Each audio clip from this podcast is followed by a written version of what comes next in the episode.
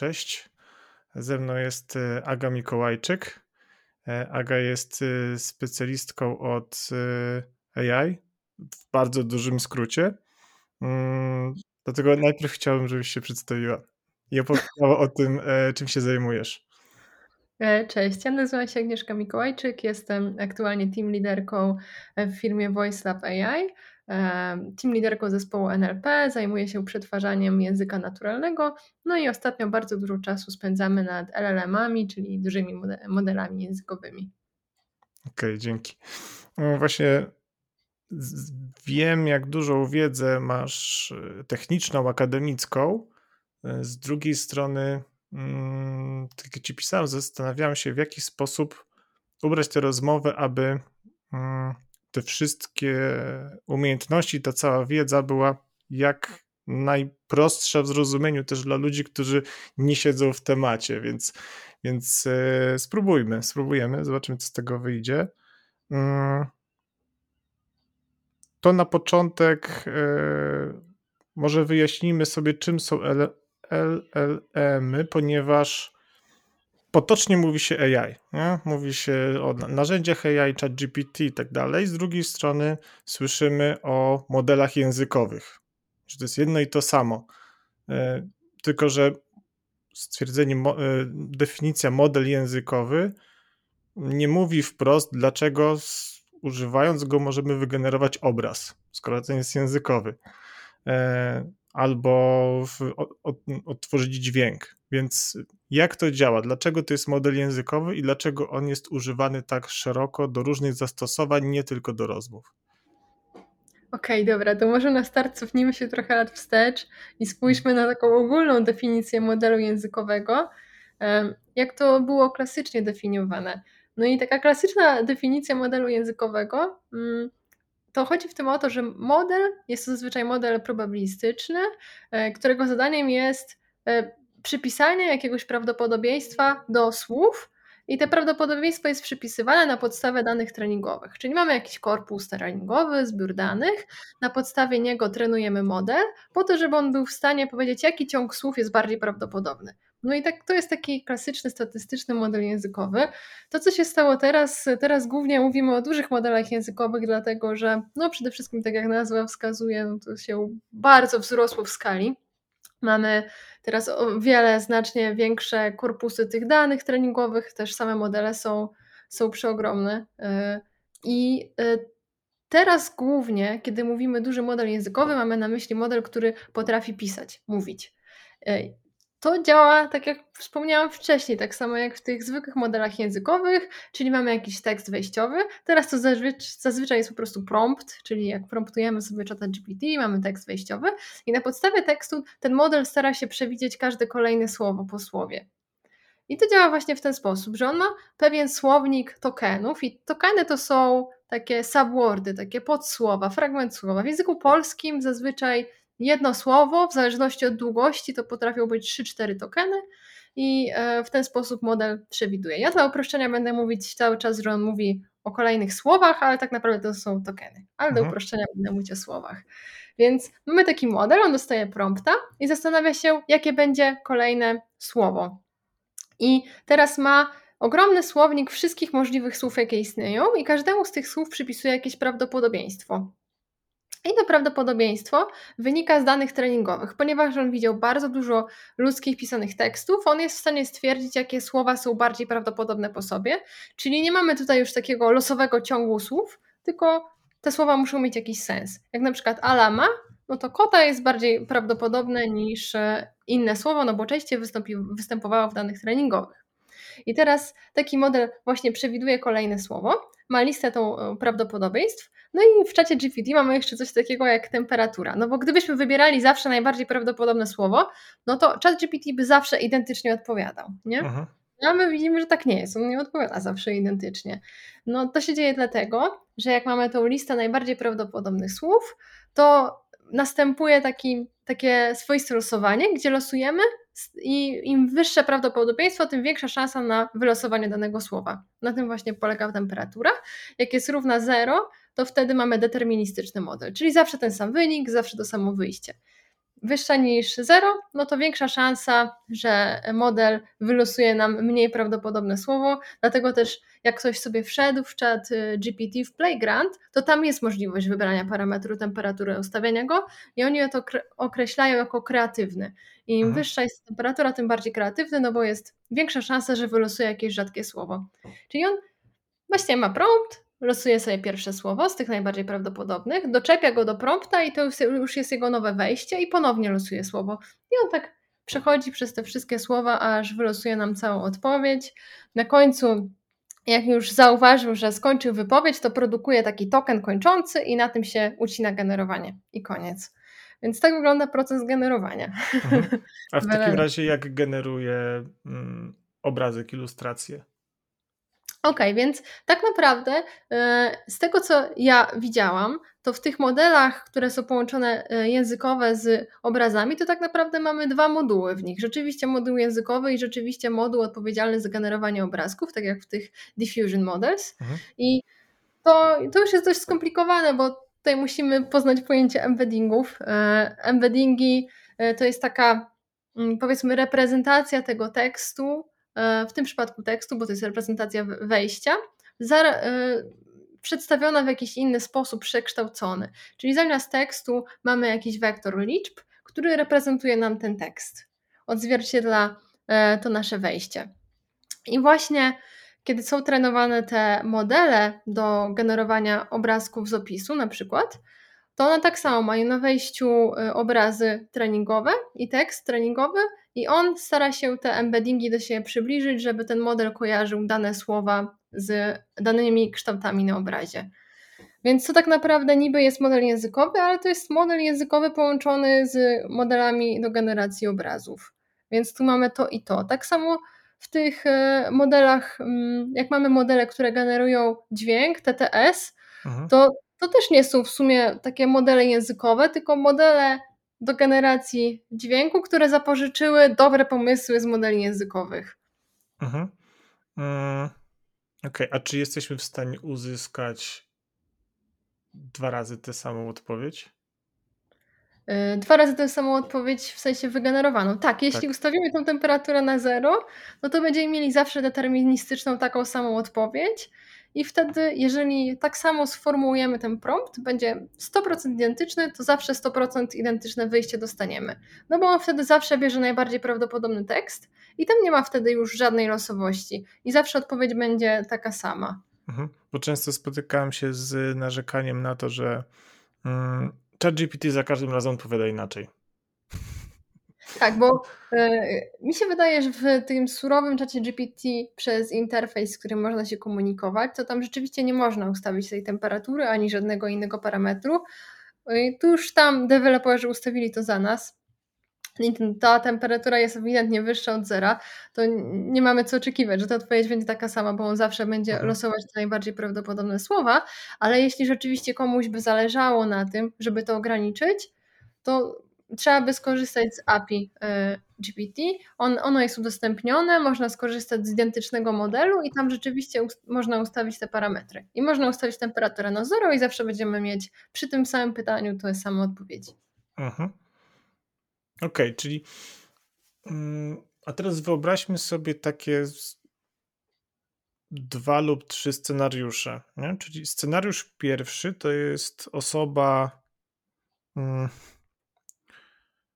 niech będzie to mityczna osoba pracująca w marketingu, e, która słyszała o tym, że jeszcze GPT może tworzyć e, teksty, ilustracje tak dalej, tak dalej.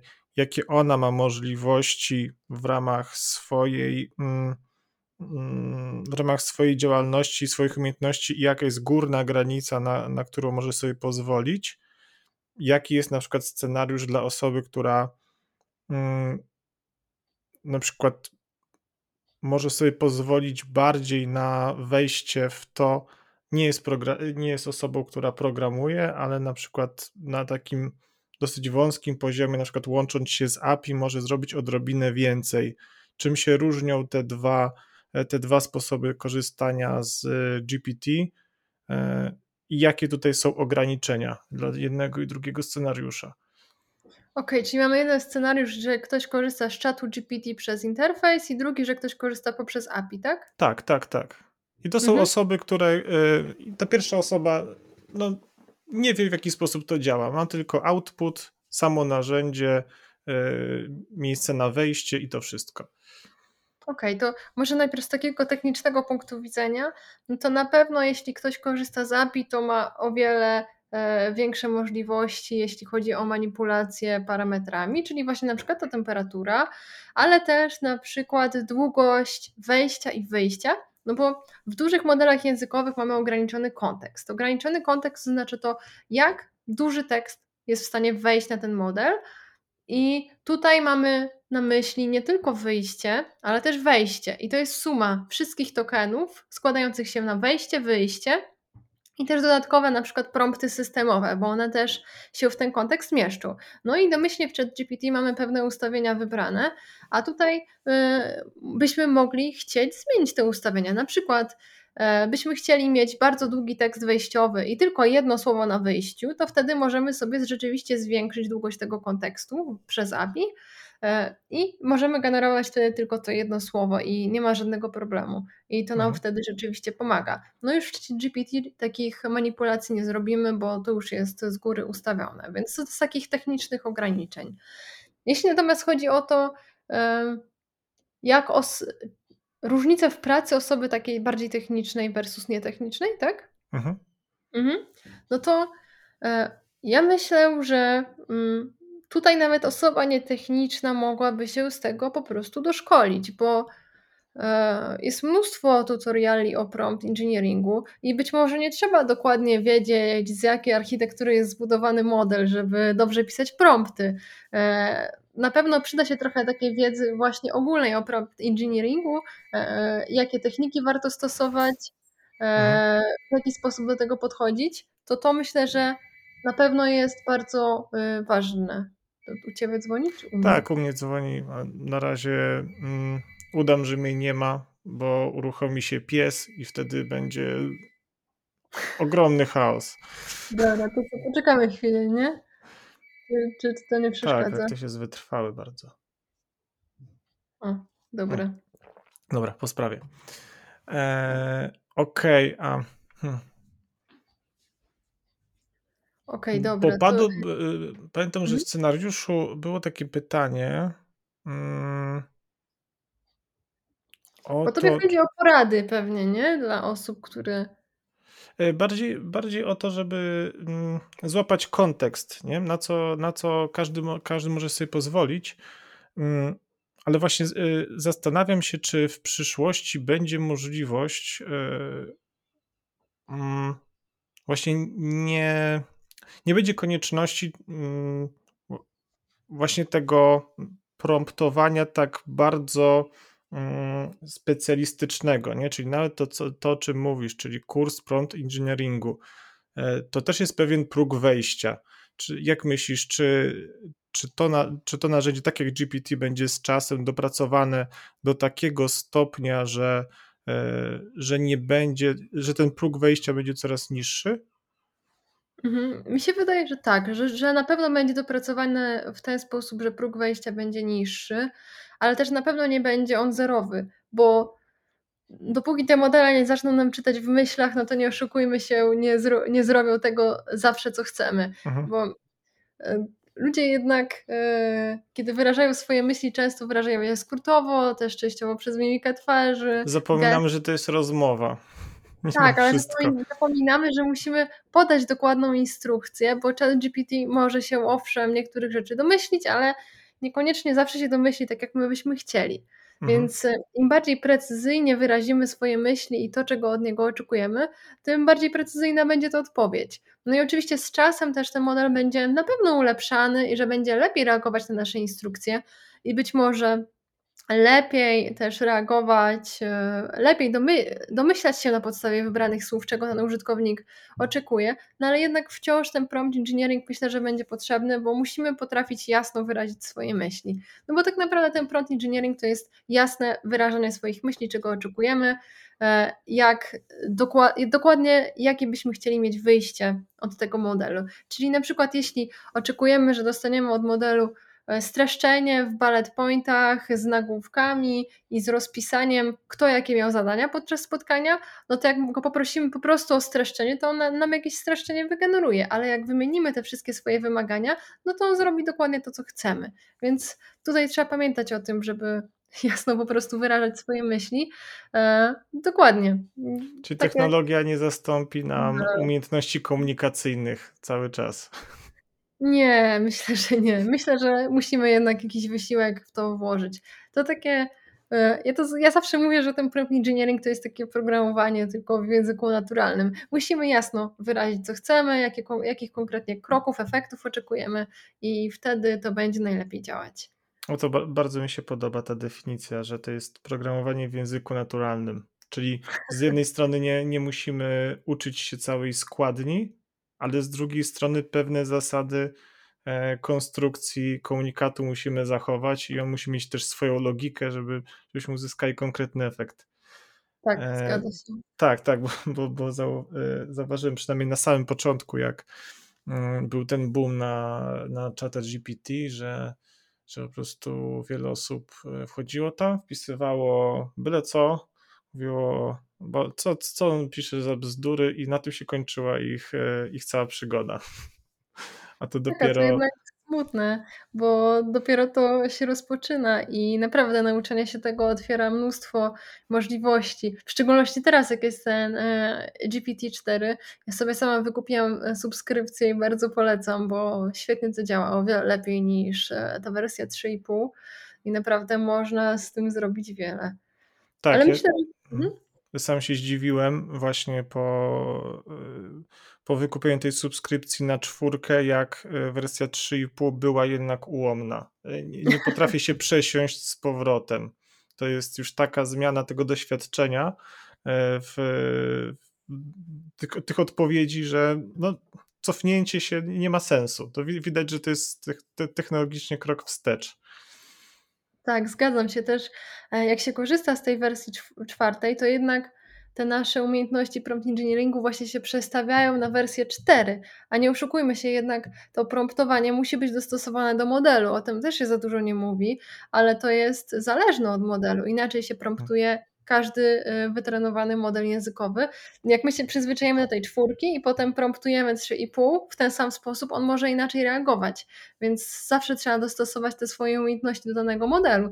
Tak samo jeśli ktoś chciałby się przesiąść e, na model na przykład z OpenAI na Anthropic i chciałby potestować ich model, to też wtedy wypada nauczyć się, poświęcić kilka dni jednak na naukę, w jaki sposób rozmawiać z tamtym modelem, żeby rzeczywiście je porównać. No bo nie możemy oczekiwać takiego samego wyjścia od dwóch różnych modeli na tego samego prompta. Więc tutaj zawsze jest jednak trochę pracy. A ja często mierzę się z, mm, z tym, że podczas konwersacji jednak y, ten model zapomina. E, Im, im dłuższa jest konwersacja, czyli ta, ta wymiana, nie chodzi nawet o, sam, o samą, y, samą e, ilość informacji wyjściowych, ale po którejś wymianie zaczyna zapominać, e, co było na samym początku. Jeżeli się zwróci uwagę, tak faktycznie wraca, ale, ale te prompty stają się coraz, coraz bardziej yy, yy, chaotyczne i, i zmieniają się w czasie. I jak na przykład robiłem sobie testy, żeby, żeby właśnie uzyskać mm, jakiś konkretny kod, to, to potem ten kod zaczął wyglądać coraz bardziej inaczej, coraz bardziej inaczej i, i po prostu główne funkcje, które były zdefiniowane na początku, one potem już nie istniały. E, z czego to mhm. wynika? Bo, bo wiem, że nie, wiele osób się z tym mierzy. Z czego to wynika i czy jesteśmy w stanie temu jakoś zapobiegać? Mhm. To jest bardzo fajne pytanie, bo właśnie niewiele osób, e, które korzystają z tego na co dzień, zdaje sobie sprawę właśnie z tego okna kontekstowego, czyli jak duże wejście jest w stanie zmieścić się e, na model. I to jest projektowane w ten sposób, że zawsze dajemy tego prompta z tym właśnie generowaną odpowiedzią, tak jak mówiłam na samym początku, jak generujemy odpowiedź, ale też zawieramy w tym poprzednie wiadomości. Czyli na skład, na, na, na to wejście modelu wchodzi nasza aktualna wiadomość, która jest oczywiście najważniejsza, plus historia poprzednich. No i teraz tyle, ile ich zmieścimy, no to zależy od tego, jak długie poprzednie wiadomości były. Może się okazać, że całej w stanie nie jesteśmy zmieścić i wtedy w tym oknie kontekstowym wchodzi tylko część. No i siłą rzeczy po pewnym czasie już nie łapiemy tych poprzednich wiadomości. Wspomniałeś, że jak mu się wypomni taki błąd, to on może tą wiadomość znaleźć i e, że może tą wiadomość znaleźć i się poprawić. I mi się wydaje, że to może działać w ten sposób, bo nie jestem tego pewna, teraz zgaduję. Mi się wydaje, że to może działać w ten sposób, że jak on już przekroczy tą długość okna kontekstowego i mu się wypomni ten błąd, to on wtedy e, już dodatkowym skryptem sprawdza, odnajduje tą wiadomość, tak jak jest ta metoda RAG, gdzie e, robi się ekstrakcję dodatkowych informacji i dokleja do promptu. I możliwe, że to jest taki, w taki sposób robione, że jest historia e, rozmowy tak obsługiwana. Tak jest między innymi w LangChainie, taka biblioteka otwarta Pythonowa, właśnie do obsługi modeli językowych. Tak jest w LangChainie to obsługiwane, że jedna z metod to jest właśnie wyszukiwanie adekwatnej wiadomości z historii, dołączenie do prompta i on wtedy jest w stanie wygenerować rozmowę. A jak z tym walczyć na bieżąco? Jeśli chcemy, żeby on się poprzednich zasad ileś wiadomości wstecz trzymał nadal, to ja bym je po prostu dołączała do każdego prompta. I kiedy ja pracuję właśnie z modelem i e, sama chcę, żeby e, kilka, jedno zadanie wykonał kilka razy, na przykład teraz e, pracuję E, nad artykułem i wykorzystuję ChatGPT, żeby mi wskazywał błędy, czy zrobiłam jakieś błędy językowe, gramatyczne i tym podobne. No i wklejam mu fragment po fragmencie i za każdym razem po, ponawiam to samo polecenie mhm. i e, te same wymagania. Jeśli musiałam troszkę więcej promptów napisać, zanim on zrozumiał to zadanie, to potem to łączyłam wszystko w jeden prompt i mu wrzucałam. I wtedy to działa świetnie. Jeśli no natomiast, tak jak ty mówisz, wrzucę później, a teraz popraw ten tekst, a teraz popraw ten tekst, to widać od razu tą degradację z wiadomości na wiadomość. Więc e, najlepiej działa po prostu powtarzanie tych wymagań w każdej wiadomości, no wtedy zawsze będzie miał to w tym oknie kontekstowym i mhm. wtedy to całkiem nieźle działa. No to, to jest bardzo zabawne, jak, jak faktycznie ten model e, nie jest nie myśli jak człowiek, ale jak bardzo przypomina, przypomina go w działaniu. Czyli jeżeli mamy zbyt dużo informacji na wejściu, albo potem, mm, albo y, odwołujemy się do tych informacji w czasie, to my jako ludzie też mamy do, do, tych, do tych informacji gorszy dostęp, nie potrafimy sobie przypomnieć. Czasami zmyślamy coś, co było, bo nam się wydawało, że, że, że taka informacja była. Okazuje się potem, że, że, że jej nie było, więc yy, to jest, to jest śmieszne, jak bardzo to przypomina nasz sposób funkcjonowania. I myślę, że to też jest trudne, mm, bo od, yy, od maszyny oczekujemy jednak tej bezbłędności, tego, że zrobi coś za nas dobrze, a tutaj jednak trzeba się trochę napracować, żeby, mm, żeby ten efekt był. I, i te tak, efekty czasami są tak samo ułomne, jak, jak, jak naszego własnego myślenia. Tak, ale tu masz rację. Od, od człowieka nie wymagamy tak dużo jak od maszyny. Ja też to zauważyłam. E, maszyna zrobi jeden błąd na tysiąc i już jest komentarz, ale to beznadziejnie działa. A jeśli człowiek się pomyli raz na tysiąc, to nawet najlepszym może się zdarzyć. Mm, tak, tak, tak, y, taką samą refleksję mam dotyczącą y, pojazdów autonomicznych. Że gdy weźmiemy statystyki wypadków albo ilu wypadkom e, zapobiegł na przykład autopilot, to już dawno mhm. powinniśmy mieć samochody autonomiczne na drogach, e, ale jedna, dwie, jeden, dwa wypadki już kasują, ca, kasują cały ten dobry efekt. Nie, że w No ogóle tak, statystyka nie jest tak ważna jak jak nasze odczucie, że właśnie maszyna powinna być bezbłędna. Tak, tak, to jest zdecydowanie prawda. Chociaż ciekawe, jak te statystyki by wyglądały na innych niż amerykańskie, e, drogach. Już by mogły trochę inaczej jednak wyglądać. Na przykład na naszych. No. Na naszych, yy, mm, pierwszego dnia świąt. Yy.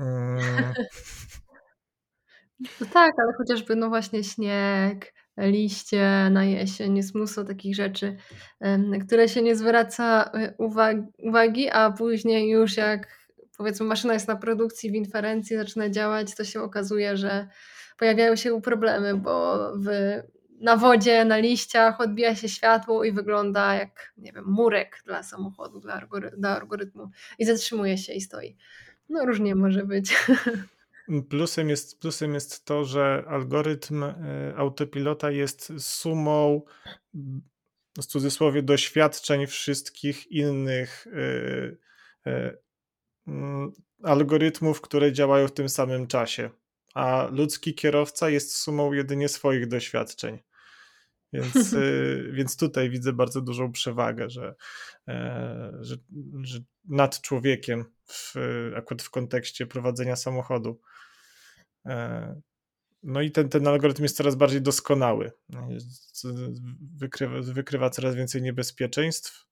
Mm, a niektórzy ludzie, no nawet po kilkunastu latach za kółkiem, nadal po prostu czasami nie potrafią przeskoczyć swoich e, ułomno, ułomności, tak to nazwijmy, i, i wskoczyć na jakiś poziom takiego bardziej zawodowego kierowania autem. Mimo wszystko popełniają podobne błędy.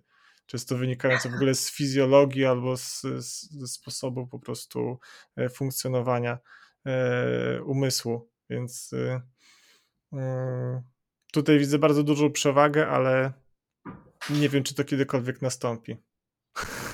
Widzę, że kot. Tak, tak. Ale to jest zawsze, za każdym razem. Spoko, postanowił coś złapać.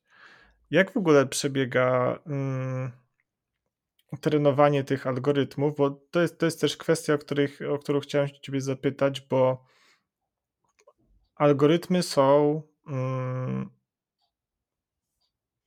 trenowane przez ludzi, nie?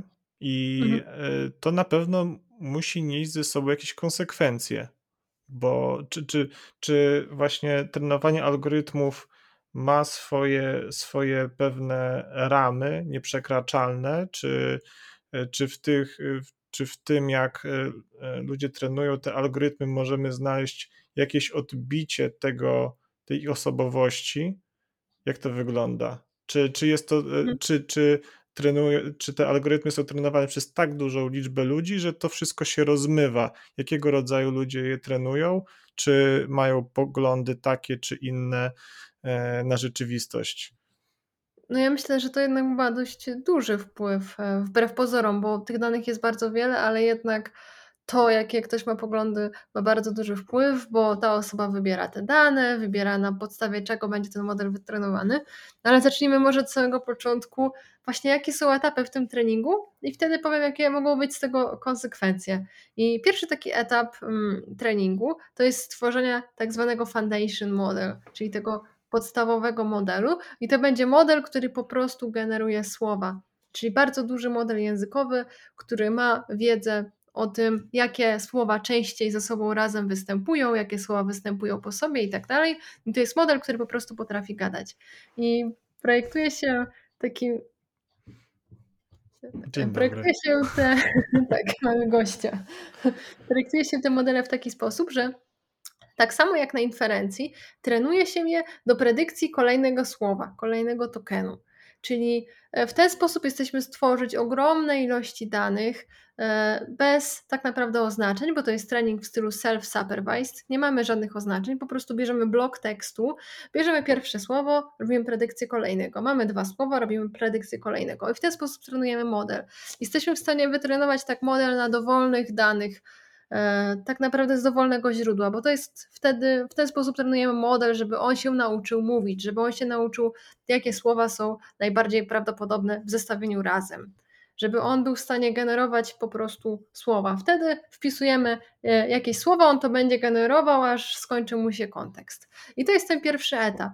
I jest to najbardziej kosztowny etap, gdzie potrzeba najwięcej danych. I od tego etapu tak naprawdę będzie bardzo dużo zależało, no bo nawet jeśli zrobimy później dalsze treningi, no to cała wiedza o języku jest w tym e, podstawowym modelu. No i Czy dla każdego języka, mm, na przykład polski, angielski, niemiecki, jest, e, jest oddzielny ten fundament, czy, e, czy już Mm. potem algorytm sam sobie to tłumaczy?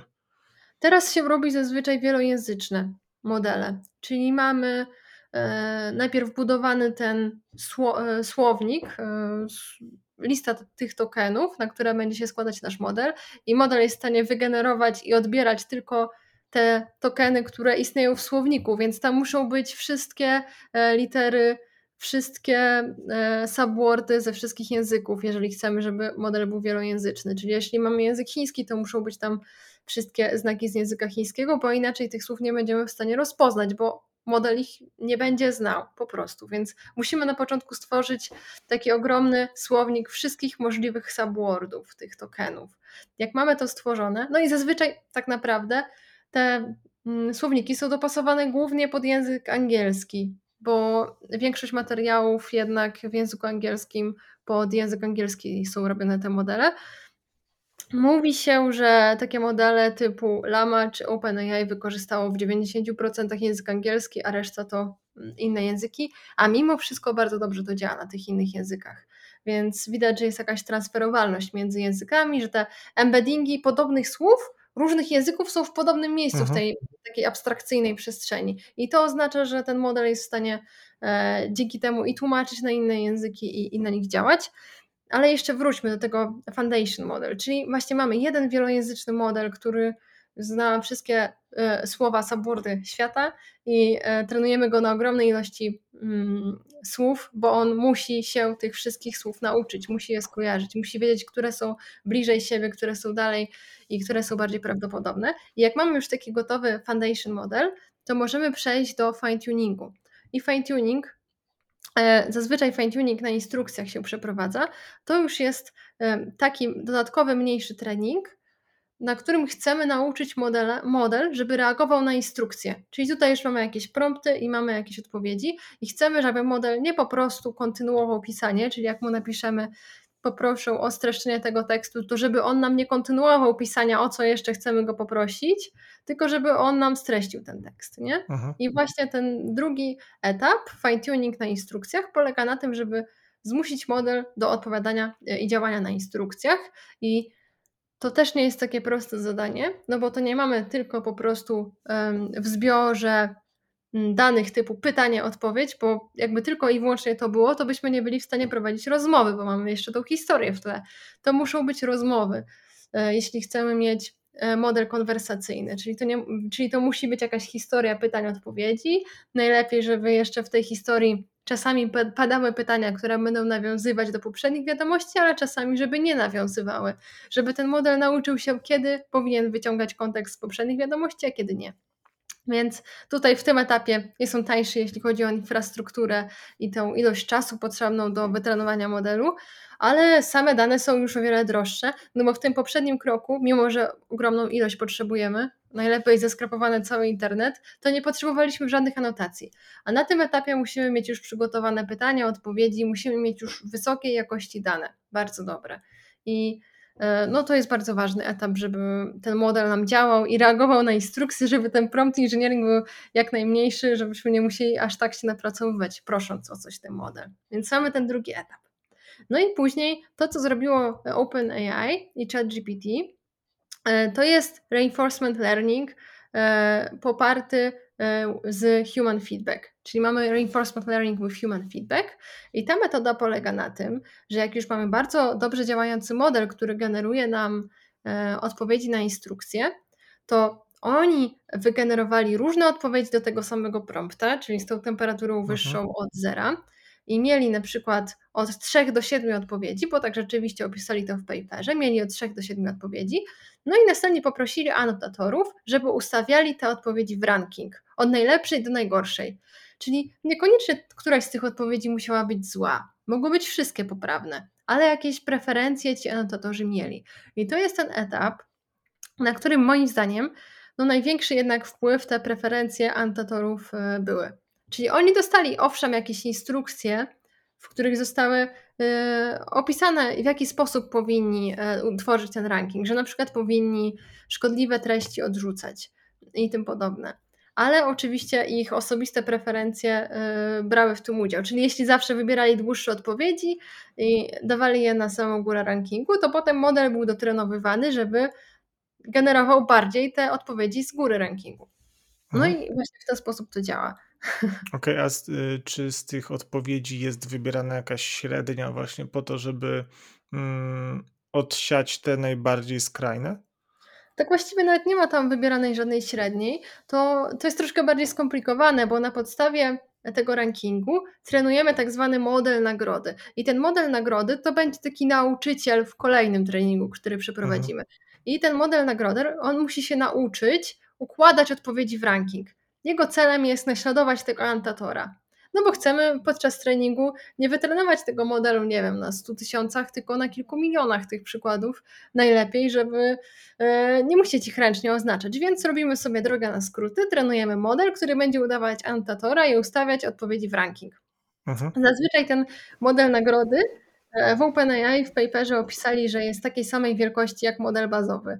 Czyli jak mamy model 175 miliardów parametrów, to taki drugi sobie trenujemy, model nagrody, który umie układać je w ranking. No i następnie bierzemy ten nasz model e, po fine-tuningu, po instrukcjach, ten model nagrody i trenujemy je razem we dwójkę i trenujemy w taki sposób, żeby ten model GPT bazowy generował jak najlepsze odpowiedzi według tego modelu e, nagrody. Czyli model nagrody nadaje oceny i zwraca do drugiego modelu i w ten sposób trenujemy ten model. Czyli, Czyli potem tam... on uczy, uczy się sam.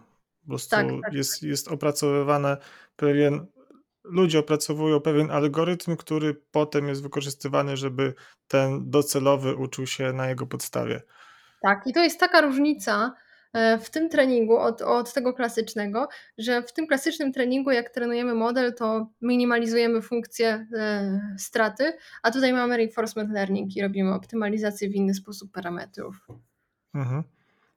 Właśnie wykorzystując ten model nagrody. Więc no tutaj te preferencje osobiste bardzo, bardzo wchodzą, no bo ten model on po prostu jest nauczony naśladować tych antatorów. Okej, okay, bo pamiętam, e, pewnie to nie był jeszcze ten, ten model trenowania użyty, ale pamiętam e, ten moment e, tam parę lat temu, gdy Microsoft wypuścił wypuścił ten swój algorytm, który po zaciągnięciu informacji z internetu stał się rasistowski i strasznym mizoginem, nie? więc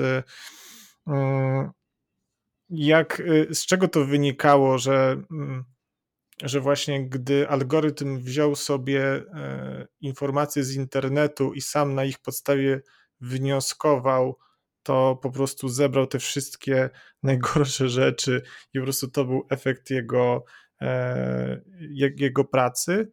E, czym się różni to od, od tego, że teraz w, przez ChatGPT nie, nie otrzymamy takich informacji, czy to zostało w którymś momencie po prostu e, ucięte, e, czy, czy po prostu tak jest ten algorytm wytrenowany, że nigdy takich informacji od niego nie uzyskamy. Mhm. E, więc mi się wydaje, że wcześniej nie było takiej świadomości e, tego trenowania i to była cenna lekcja e, teraz też dla OpenAI, jak trenować te modele, na co zwracać uwagę. No i też jak my w VoiceLab, w VoiceLabie trenowaliśmy nasz model, to też musieliśmy bardzo używa, uważać na dane, których używamy, no bo to wszystko wynika z danych. Jeśli ktoś weźmie z jakiegoś forum wrogo nastawionego e, teksty i wytrenuje na tym model, no to model będzie reagować tak jak ludzie na tym forum i nie ma co się dziwić, bo to jest zwykły model językowy. On będzie pisać to, na czym został wytrenowany. Jeśli pewne słowa są bardziej prawdopodobne, no to będą częściej generowane po prostu. I e, my jak u nas trenowaliśmy, to też dbaliśmy o to, żeby te odpowiedzi były bezpieczne, żeby na przykład jeśli ktoś zada pytania o samobójstwo, to odmawiał odpowiedzi na nie. No bo pierwsze nasze wersje, to on nie miał problemu z tym, żeby odpisać. Wystarczyło się go zapytać, z jakiej wysokości mostu powinienem skoczyć. No i on od razu podawał dokładne, dokładne długości, nie miał z tym żadnego problemu, bo nie było żadnych z, zastosowanych zabezpieczeń. No oczywiście to było tylko wewnętrzne testy w firmie, takie bezpieczeństwa. No i później zastosowaliśmy zabezpieczenia, żeby takie sytuacje nie miały miejsca. No trzeba to zawrzeć w danych treningowych. A to, jest, to, to jest straszne, że, że e, to był taki internet w pigułce, nie? że internet w pigułce wygląda właśnie tak. tak, tak. I naprawdę, jeśli tego modelu się nie przygotuje, nie doda odpowiednich e, danych treningowych, no to on będzie generować po prostu odpowiedzi i na wszelkie możliwe pytania. I taka pierwsza właśnie nasza wersja modelu, jak go wytrenowaliśmy na polskich danych, to on odpowiadał na każde pytanie i nie miało tu żadnego znaczenia, jakie ono było. Po prostu generował tekst, no bo to jest model językowy. Mhm. Oczywiście po tych wszystkich zmianach zaczął już działać e, poprawnie. To też e, ChatGPT wyrzuca e, takie generatywne mm, odpowiedzi często. Jeden z przykładów jest, gdy zapytasz go o, o to, czy ma świadomość. Za każdym razem uzyskamy ten sam generyczny, to samą generyczną odpowiedź, że nie, jestem tylko modelem, bla, bla, bla, bla, bla. Mhm. Wiadomo, że da, mhm. da, się to, da się to obejść, no ale to wtedy słyszymy to, co chcemy usłyszeć. Mm, mhm. Ale, ale tak, ale zamontowali tam kilka bezpieczników, to, to, to widać. Tak, no e, na pewno nie bez, nie bez powodu, bo e, ja sama obserwuję i, i Reddita, e, subreddit z ChatGPT od samego początku, jak wyszło. No i krytyka tam idzie cały czas w tym kierunku. Wcześniej szła, że a zapytasz go o to, to odpowiada w taki sposób. Ludzie też przypisują temu znaczenie. A to nie do końca ma znaczenie, bo to jest po prostu model językowy, który losuje słowa, tak jak opisałam na początku. To nie wiem, czy jest sens nadzwyczajne znaczenie przypisywać do tego, że model powiedział, że ma świadomość. On pewnie widział to w literaturze, widział to na forach, e, dlatego wygenerował takie, a nie inne słowa. Być może nie trzeba od razu panikować e, i się tego bać, po prostu wygenerował takie słowa. Tak samo zresztą e, matematyka. Ludzie się śmieją, że ChatGPT nie potrafi liczyć, no nie potrafi liczyć, bo on jest modelem językowym. Dla niego każde słowo to jest w sumie liczba i on nie widzi różnicy między słowem 1 e, plus 7 a ala ma kota, bo znaczy widzi oczywiście różnicę, ale dla mhm. niego to są po prostu słowa e, i oczywiście jesteśmy w stanie go wytrenować, żeby w jakiejś podstawie tę matematykę prawidłowo wykonywał, ale pomnożyć dwie e, liczby pięciocyfrowe, no to już naprawdę jest maszyna losująca i te wyniki nie będą się zgadzać. My w zespole z Piotrem Pejzikiem to na, na bieżąco co jakiś czas sprawdzamy, czy jest już w stanie pomnożyć dwie liczby pięciocyfrowe i Właśnie, nie. czy jesteśmy w stanie połączyć ze sobą te dwa światy, czyli z jednej strony te elast tak jak, tak jak my rozumujemy, czyli że z jednej strony tę elastyczność, którą daje język, a z drugiej strony jednak ten, ta, tę część matematyczną, ścisłą, logiczną, która za każdym razem da te, ten sam wynik. Że może podyskutować o tym wyniku i faktycznie e, zastanawiać się, czy, czy ten wynik jest prawidłowy, co on oznacza, czy da się do tego podejść inaczej, ale dopóki nie będzie, no tak, jak, tak jak w nauce, dopóki teoria nie zostanie potwierdzona, jest, jest tylko teorią. Czy jesteśmy w stanie połączyć te dwa światy, czy, czy to zawsze będzie rozdzielne? No, póki co teraz obchodzi się po prostu ten problem, podłączając API. Jak podłączymy API z kalkulatorem, to nie ma problemu, wskazujemy, okay. podłączamy kalkulator, liczymy to w kalkulatorze, zwracamy odpowiedź, chat GPT, ma odpowiedź, zbuduje z tego ładne zdanie. I to wszystko, gotowy wynik i tak się to obchodzi. I jest mnóstwo różnych API. E, sam zresztą wiesz, jak korzystasz z czatu GPT-4, e, które można podłączyć, którymi można się pobawić. I na przykład też stosuje się w to taki sposób, że wykorzystuje się model, żeby napisał Pythonowy skrypt, uruchamia się ten Pythonowy skrypt, zwraca się modelowi wynik i on generuje odpowiedź. Na przykład w bibliotece LangChain tak jest to zrobione. E, kalkulator LangChainowy polega na tym, że model generuje skrypt Pythonowy. Ten skrypt Pythonowy jest osobno uruchamiany, zwracany jest wynik i on generuje odpowiedź. Więc w ten sposób można obejść ten problem. Nie do końca jest to połączenie modelu językowego z kalkulatorem, ale wykorzystanie go osobno i to się sprawdza całkiem nieźle.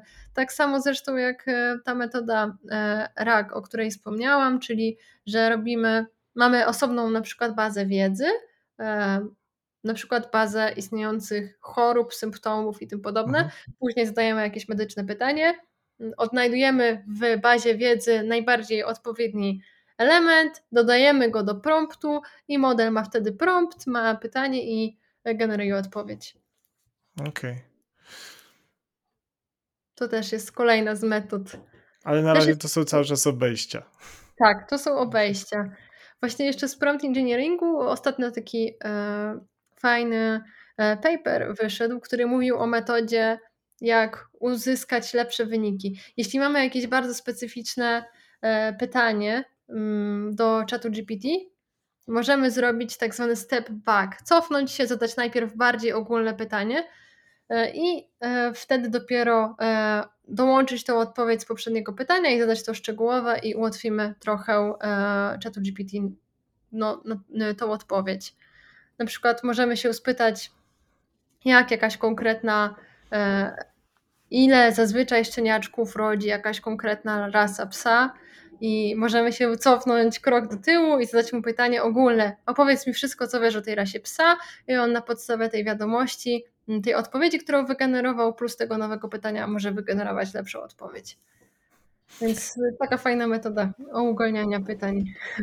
No tak, tak, tak, tak już robiąc kółko, to właśnie, to właśnie bardzo y, rzuca się w oczy ta różnica, że, że oczekiwaliśmy trochę y, maszyny, która będzie niezastąpiona i która nie będzie się mylić, a to jest bardziej, mm, teraz mi się, wpadła mi taka myśl, że to jest bardziej jak takie drzewko z owocami, które, o które im lepiej dbamy, czyli taka konwersacja to jest takie drzewko, im lepiej je podlewamy i dbamy o nie, ty, tym lepszy owoc dostaniemy na końcu. Nie? I trochę chyba część ludzi nie tego się spodziewało do końca, e, słysząc o całej tej rewolucji sztucznej inteligencji i pewnie spodziewało się tego, że teraz zostaniemy zastąpieni i wszystko będzie po prostu bezbłędne i lepsze niż to, co robi człowiek.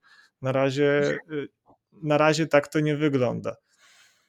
Nie, na pewno nie. Myślę, że to, że na pewno możemy na tym bardzo wiele skorzystać, bo ja sama przyspieszyłam sobie znacznie pracę, po prostu korzystając z czatu GPT.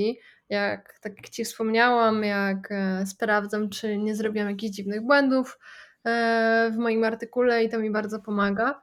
Mm, też jeśli chcę sobie jakiś artykuł streścić na szybko, przeczytać, zobaczyć, czy, czy jest sens się w niego zagłębiać, no bo wiadomo, abstrakt to jedno, ale rzeczywista treść to drugie, więc czasami sobie warto to streścić i szybko przejrzeć, to to rzeczywiście jest dla mnie bardzo pomocne i przydaje mi się. A jaki hmm. sposób masz na to, mm, już trzymając się e, na przykład tego, e, tego artykułu, czyli chcemy sobie go streścić, e, ale jak y, wydać polecenie, aby mieć e, przynajmniej bardzo duży, dużą dozę pewności, że po pierwsze algorytm niczego nie pominie, co było dla nas ważne, a po drugie, że niczego nie zmyśli. Okej, okay. to y, ogólnie możemy w ogóle na dwa sposoby to zrobić, bo jedno to możemy skorzystać z wtyczki, która nam wczyta PDF-a, wczyta całą treść artykułu i na podstawie będzie tego streszczać. Od wczoraj jest chyba w ogóle w, w czacie, nie? Chyba nawet wcześniej była, tylko wcześniej trzeba było sobie wejść w ustawienia i przeklikać, że, że możesz być w tym testowym trybie. Tak, to już były obejścia przez wtyczki chromowe, ale teraz już jest ofi oficjalnie. tak, tak. No to więc można, można się z tym pobawić, zachęcamy. Wczoraj 30 e, e, października. Więc y, można sobie właśnie wrzucić tego PDF-a, ale to, co ja zazwyczaj robię, to ja kopiuję ten fragment tekstu, gdzie wiem, gdzie jest, że jest tam ta informacja, która mnie interesuje. Czyli zazwyczaj jakiś jeden rozdział tego artykułu. Bo okay. wtedy już zmniejszam tą ilość e, błędów do popełnienia. Ja wiem, że mnie tamte sekcje nie interesują, tylko że ta, więc kupuję sobie tu daną sekcję i zazwyczaj proszę go y, o to, czego aktualnie oczekuję. Czyli na przykład jak mm, wypadły wyniki e, w tym artykule w porównaniu do poprzednich, albo co było e, najbardziej nietypowe w tym eksperymencie. No to wszystko zależy, czego chce się akurat dowiedzieć z paperu i rzeczywiście szybko dostaję wtedy odpowiedź. E, to nie jest też tak, że ja biorę tą odpowiedź za, od razu za prawdę całkowitą, ale od razu widzę, czy jest sens się wczytywać głębiej, czy nie, po prostu po tej odpowiedzi. E, no i często jest tak, że potem po prostu to czytam. Albo na przykład, jeśli nie wiem, czy dana informacja jest w jakiejś sekcji, a y, nie wiem, jestem leniwa, bo jednocześnie coś innego robię na komputerze, jednocześnie tutaj sobie chcę za chwilę przeczytać, to wtedy wrzucę tą sekcję, y, w szczególności jeśli to są bardzo długie artykuły. On mi to wtedy sprawdzi i, i mi wskaże, w którym fragmencie jest to opisane i wtedy sobie po prostu czytam ten fragment. Czyli Mhm. nawet nie zawsze zadaję konkretne pytanie, żeby mi to streścił, ale czasami proszę, żeby mi znalazł fragment. Ja wtedy mi znajduje ten fragment, ja sobie, ja sobie go już czytam w oryginale.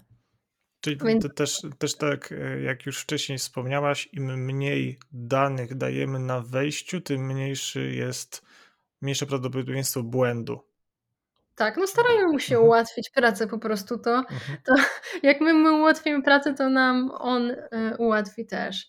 Więc myślę, że warto zawsze pomyśleć, e, jak to zrobić, żeby on miał jak najmniejsze pole do popełniania błędów. Też właśnie w ten sposób. A pewnie z czasem pojawią się narzędzia, które będą nam e, pomagać właśnie w takich dłuższych, e, w dłuższych tekstach. Nie? Wyobrażam sobie, mm, że na przykład w, e, to, już Google ma, ale, ale nie, nie w Polsce, że, że po prostu jeżeli mamy te dokumenty na dysku Google'a, e, różne PDF-y, e, żeby można było swobodnie w nich przeszukiwać. I, i pewnie to, ten sposób przeszukiwania już jest dostosowany. Pe- Pewnie on szatkuje te, te, te wszystkie treści i, w- i wśród nich szuka. To jest dokładnie to, co my musielibyśmy w czacie robić ręcznie. Więc, więc to pewnie te narzędzia będą nam z czasem zastępować te, te właśnie pracę, którą musimy ręcznie, ręcznie wykonać. Więc y, y, to, to, to jest coś, co, co, co na przykład nad czym ja, ja ubolewam właśnie, że mm, jest bardzo dużo narzędzi, bardzo duże rozsianie, jeszcze masę pracy trzeba włożyć w każdym, w każdym narzędziu, żeby uzyskać ten końcowy efekt, że nawet jeżeli to wykona za mnie 80% pracy, tak jak tutaj o transkrypcji rozmawialiśmy, no to jeszcze te 20% trzeba wło- włożyć, żeby przeczytać i po- poprawiać wszystko, nie? Że to nigdy nie jest na stówę, że jeżeli uzyskam streszczenie, no to jeszcze jest tam pewna doza niepewności, czy to na pewno jest to, że trzeba to sprawdzić. I mm, to jest, to jest jeszcze coś, co, co bywa uciążliwe, mam wrażenie. Tak, tak, to jest prawda. Trochę pomaga, ale troszkę jednak tutaj w niektórych aspektach spowalnia. To zdecydowanie prawda. Ale przynajmniej masz tą głęboką świadomość, że trzeba to przeczytać i sprawdzić. Nie każdy tak robi. Niektórzy 100% ufają i to jest jednak błąd, bo e, czasami może powodować pewne problemy. E, no nawet jeśli stworzymy sobie automatycznie notatkę ze spotkania i e, na przykład podczas transkrypcji e, odczyta dane, e, datę złą model, to jeśli mamy automatyczny system e, sobie samodzielnie stworzony, że robimy transkrypcję, z tego sobie robimy notatkę, potem sobie zapisujemy spotkania w kalendarzu, no to Mhm. tutaj już się może pojawić problem, jak on nam źle e, dane, e, da, daną datę odczytał i później się spóźnimy na spotkanie, więc warto sobie Mhm. takie najważniejsze notatki jednak wciąż robić, żeby o tym pamiętać. Tak, to właśnie e, jako, jako projektant zauważyłem, że to jest jeszcze mm, kwestia, która jest przed nami, czyli w jaki sposób te. mm, No bo teraz implementacja narzędzi e, AI-owych jest, y, opiera się głównie na ich możliwościach. Natomiast sama kwestia tego, w jaki sposób użytkownikom komunikować właśnie te problemy, czy na ile możesz być e, pewna odpowiedzi, czy powinnaś coś sprawdzić, czy, ten, czy, czy powinno być zadane pytanie powtórne. Jest masa takich elementów, które widzę, że w tych narzędziach jeszcze, e, jeszcze nie są zaopiekowane do końca, że cały czas to jest tylko wejście, wyjście. i ewentualnie pe pewne ustawienia.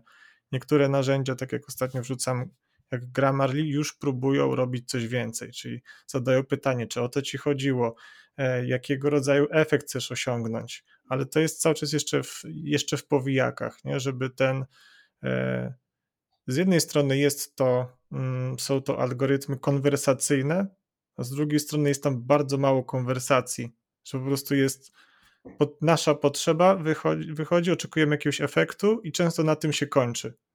I, i nie, ma, nie ma pogłębiania, e, dochodzenia do, do, do rozwiązania. Nie? Tak, tak, to jest zdecydowanie ciekawe spostrzeżenie. E, I też mm, no my musimy pamiętać, że jednak ChatGPT to jest narzędzie.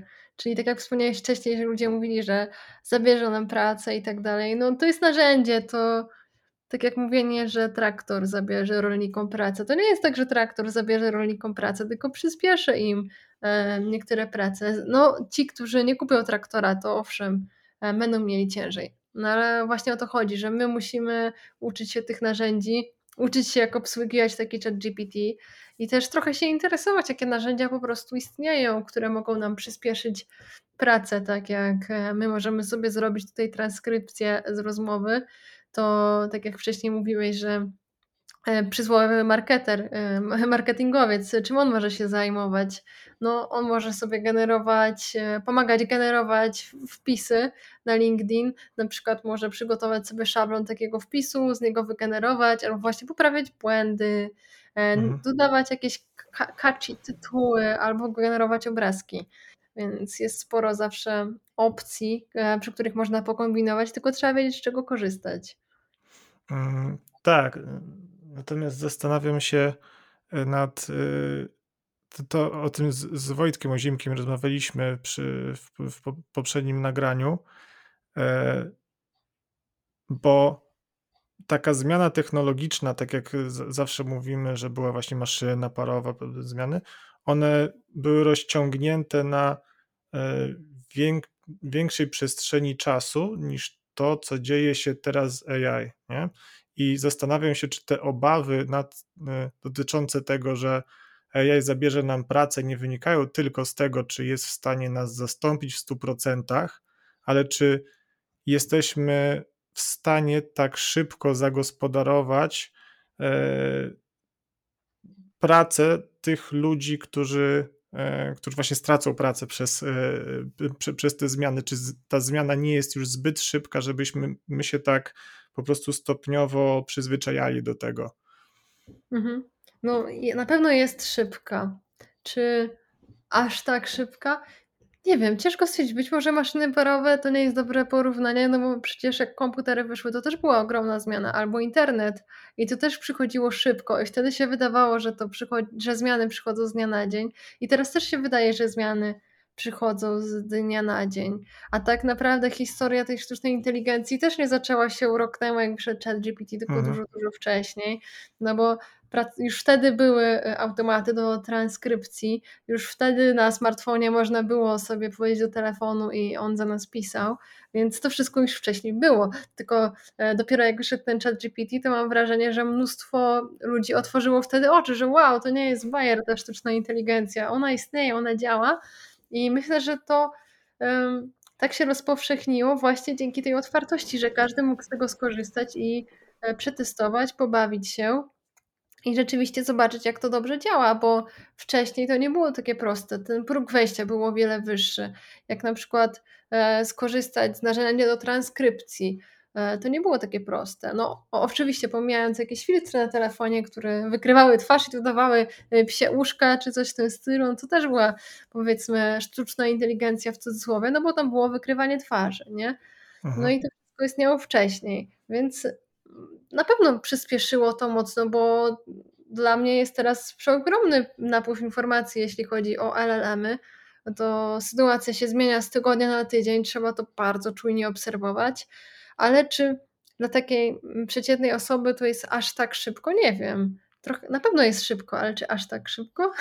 Myślę, że właśnie y, obawa y, y, takich osób, które nie zajmują się tym, mm, na bieżąco, nie, na bieżąco tego nie śledzą i, i nie, nie zajmują się tym tematem, wynika z tego właśnie, że, e, że to jest już tak szybki pociąg, do którego ciężko jest wsiąść, nie? I to, to jest bardziej obawa przed nieznanym. Mm, tylko pytanie, na ile, na ile jest to uzasadniona obawa. Moim zdaniem nie uzasadniona, bo tak naprawdę jak ktoś przysiądzie i poświęci nawet tydzień na to, to myślę, że spokojnie już zrozumie, jak to działa. Tak naprawdę to jak ktoś poeksperymentuje kilka godzin, to już będzie miał wyczucie, jak z tym GPT rozmawiać, więc to nie jest e, wcale takie trudne.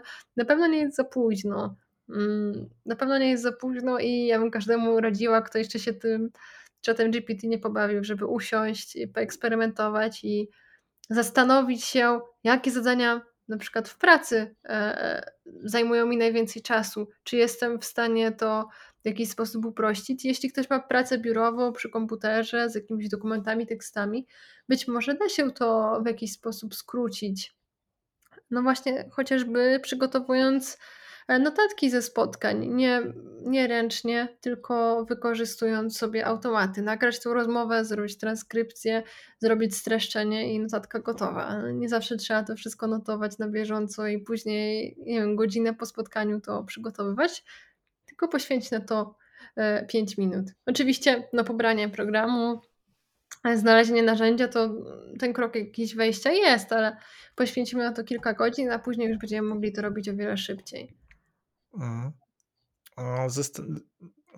Jeszcze jedna, taka myśl mnie nurtuje, już trochę, trochę odpływając, nie? bo y, wysłałeś mi dzisiaj y, tego y,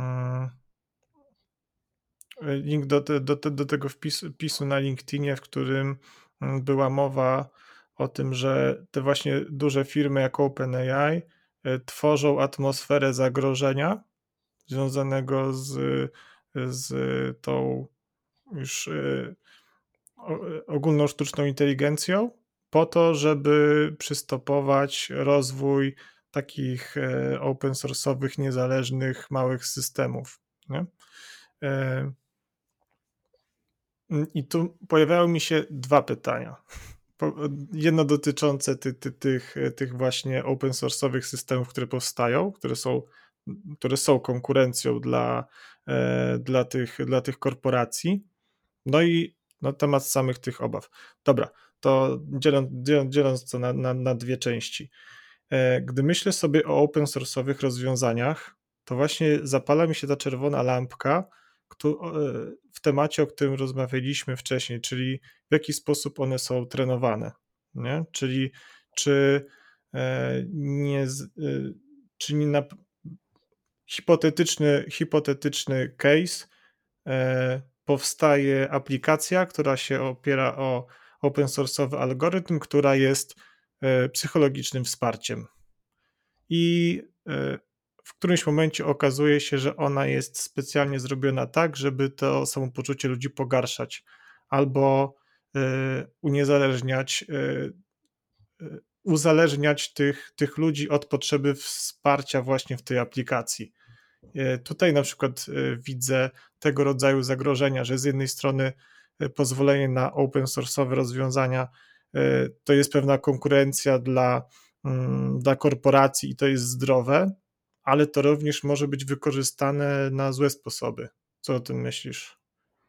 No, na, na pewno może być wykorzystane na złe sposoby. Kwestia jest tylko taka, mm, no właśnie, to jest narzędzie, nie? Wciąż wracamy do tego, że to jest narzędzie i może być wykorzystywane na złe sposoby, może być wykorzystywane na dobre sposoby. To wszystko zależy od tego, kto je wykorzysta. I teraz pytanie, mm, kogo blokując e, otwarte modele będziemy blokować? No pewnie jakichś mniejszych przestępców też, którzy by źle wykorzystali takie modele, ale też mniejsze firmy, których nie stać na wytrenowanie takich modeli od zera, bo to są koszty jednak w milionach e, dolarów wytrenowanie takich, takiego modelu. Więc kogo blokujemy? Większość w sumie średnich, małych firm, e, jakichś przestępców też drobnych, których na to nie stać, ale czy blokujemy powiedzmy w cudzysłowie bogatych przestępców, którzy też mogą się zorganizować i e, i tak być może wytrenować taki model, tylko że będzie dostępny na e, takim czarnym internetowym rynku. Takie, też, takie coś też może istnieć. No nie zapamiętajmy, że, nie wspominajmy, że jeśli mamy do czynienia z przestępcami, to oni mają swoje sposoby na to, żeby obejść prawo i myślę, że zakaz budowania open source'owych modeli by ich nie powstrzymał. E, no to są jednak przestępcy, jest też zakaz tworzenia szkodliwych modeli, więc jeśli oni obchodzą taki zakaz, to mogą obejść zakaz tworzenia mm, otwartych, e, no może nie otwartych, ale zakaz tworzenia po prostu modeli samodzielnie. Więc e, oczywiście takie zagrożenie istnieje, że one zostaną źle wykorzystywane. E, myślę, że to powinno być w jakiś sposób częściowo regulowane i pilnowane, czy takie sytuacje nie mają miejsca i oczywiście osoby, które takie rozwiązania szkodliwe celowo tworzą, też powinny być za to karane, no bo to jest jednak e, przestępstwo, ale nie sądzę, że blokowanie nauki, rozwoju otwartych modeli, żeby to było dobre podejście, bo też, też zauważmy, jak tylko powstał ten chat GPT, jak ruszyła nauka do przodu. To minął zaledwie rok, mnóstwo publikacji, mnóstwo już powstało po prostu konferencji pod duże języ- modele językowe i jak bardzo rozwinął się ChatGPT od momentu wypuszczenia go, otwarcia na publikę, aż do dnia dzisiejszego, a tak naprawdę jedyne co się zmieniło, oni go otworzyli, dali ludziom dostęp, ludzie zauważyli błędy, tak naprawdę za darmo im powiedzieli, co nie działa, co działa, zaczęli e, rozwijać, stworzyli swoją społeczność. Powstały otwarte modele, które zaadresowały też część problemów, o których pewnie OpenAI wcześniej nie pomyślało, więc ta nauka ruszyła do przodu. Jeśli te otwarte modele by nigdy nie powstawały, to nigdy by to tak nie ruszyło do przodu. To jest moja opinia. Mhm. Mm, tak, jeśli, jeśli, jeśli się zgadzam z tą opinią, po prostu byłem, byłem ciekawy, byłem ciekawy Mm, Twojego zdania na ten temat, bo e, ja, ja mam obawę związaną z tym, że to są spore, mm, spore niebezpieczeństwa, e, ponieważ mm, wchodzimy na trochę inny level komunikacji, nie? że to nie są już takie zero-jedynkowe, twarde rzeczy typu nie wiem, narkomania, nie? Wiemy, że ta substancja X jest niedobra, nie można jej produkować. Wszyscy znają wzór chemiczny i sposób, znaczy wszyscy. Ta wiedza jest dostępna, e, natomiast nikt tego nie robi, bo to jest sankcjonowane prawem. Tutaj jednak to tak jak, to tak jak między ludźmi, że to jest coś bardziej miękkiego, nie? czyli e, łatwiej jest udowodnić komuś przemoc fizyczną niż przemoc psychiczną niż manipulacje. Nie? I tutaj właśnie mając te algorytmy e, językowe, wchodzimy właśnie w ten miękki grunt, który jest cięższy do uchwycenia nie? i może powodować e, problemy, których jeszcze, z których sobie jeszcze nie zdawaliśmy sprawy. Nie? Więc. E, mhm. Ja myślę, że na pewno dużo takich moralnych rozmyślań też powstanie i powstaje na pewno też, co jest, co jest dobre i co jest złe od zawsze e, było pytaniem, zagadką, e, o czym się często rozmawiało. No, no to jest trudne zagadnienie, nie? Co tutaj będzie granicą i też jak wykrywać, że ten model robi coś źle, bo też mnóstwo osób teraz narzeka na to, jak został zmieniony chat GPT, bo w tych pierwszych wersjach to nie było tak naprawdę większych problemów, żeby go też przekonać, e, żeby opowiedział o czymś, na przykład zapytać mhm. się go, jak zrobić jakieś tam narkotyki. On oczywiście puszczał halucynacje, generował jakiś tam tekst, ale odpowiadał. Teraz ma oczywiście e, konkretne formułki, jak na to odpowiada. I teraz osobą, decydentem, co jest dobre, co jest złe, jest OpenAI. I to oni decydują, co jest dobre i co jest złe, do czego może być model wykorzystywany. To też jest, e, to też jest ciekawe, nie? No bo Tutaj mówisz, że nie wiadomo jak to odróżnić, że jest taka subtelna różnica, ale tutaj mamy decydenta, bo jest jedna firma, która trzyma pieczę tak naprawdę nad tym największym, najczęściej stosowanym modelem i oni decydują, co jest standardem. I oni trzymają to wszystko w garści. Więc jak wspominasz o tym, mm, o tym wpisie, że właśnie wielkie firmy e, lobbują tą tezę o zagrożeniu związanym z otwartymi modelami, to jest bardzo ciekawe, bo oni mówią o zagrożeniu związanym z mm, modelami językowymi, a sami je tworzą, e, z tym nie mają problemu, ale no, jakie firmy będą miały problemy, jeśli powstaną szczegółowe regulacje? No to będą mniejsze firmy. Tak jak mówi się, że w Polsce e, rolnictwo miało bardzo duże problemy przez to, e, że duże firmy rolnicze, one ich stać na audyty, ich stać na to, żeby e, utrzymywać certyfikaty i tworzyć swoje produkty, ale jacyś mali rolnicy, gdzie mają małe, drobne gospodarstwo, oni już e, nie zawsze są w stanie utrzymywać te wszystkie certyfikaty i nadążyć po prostu za tym. Nawet na procesy, które się toczą po kilkanaście lat. Tak, dokładnie tak. Więc Mm. no, to jest, to jest takie stąpanie po kruchym lodzie. Tak, tak. No, w, wersja świata korporacyjna jest y, bardzo dystopijna, aczkolwiek ma też swoich zwolenników. E, Niektórzy mówią, że właśnie ten świat, e, w którym to korporacje dzierżą e, prymat właśnie nad technologią, jest lepszy, ponieważ jest ustandaryzowany. Więc y, są, są, są też tacy, ale zastanawiam się nad tymi, mm, nad tym zagrożeniem, o którym wiadomo, już zostało bardzo dużo, dużo powiedziane, czyli na, na temat ogólnej czy generalnej sztucznej inteligencji. E, Bo z, jed, z jednej strony mamy ludzi, którzy nad nią pracują, takich jak ty, prawda? Którzy nad nią pracują, Mhm. wiedzą, jak to działa. E, mm, I nie widzą tam e, zagrożenia, czyli że nie rozwinie się to w ten sposób.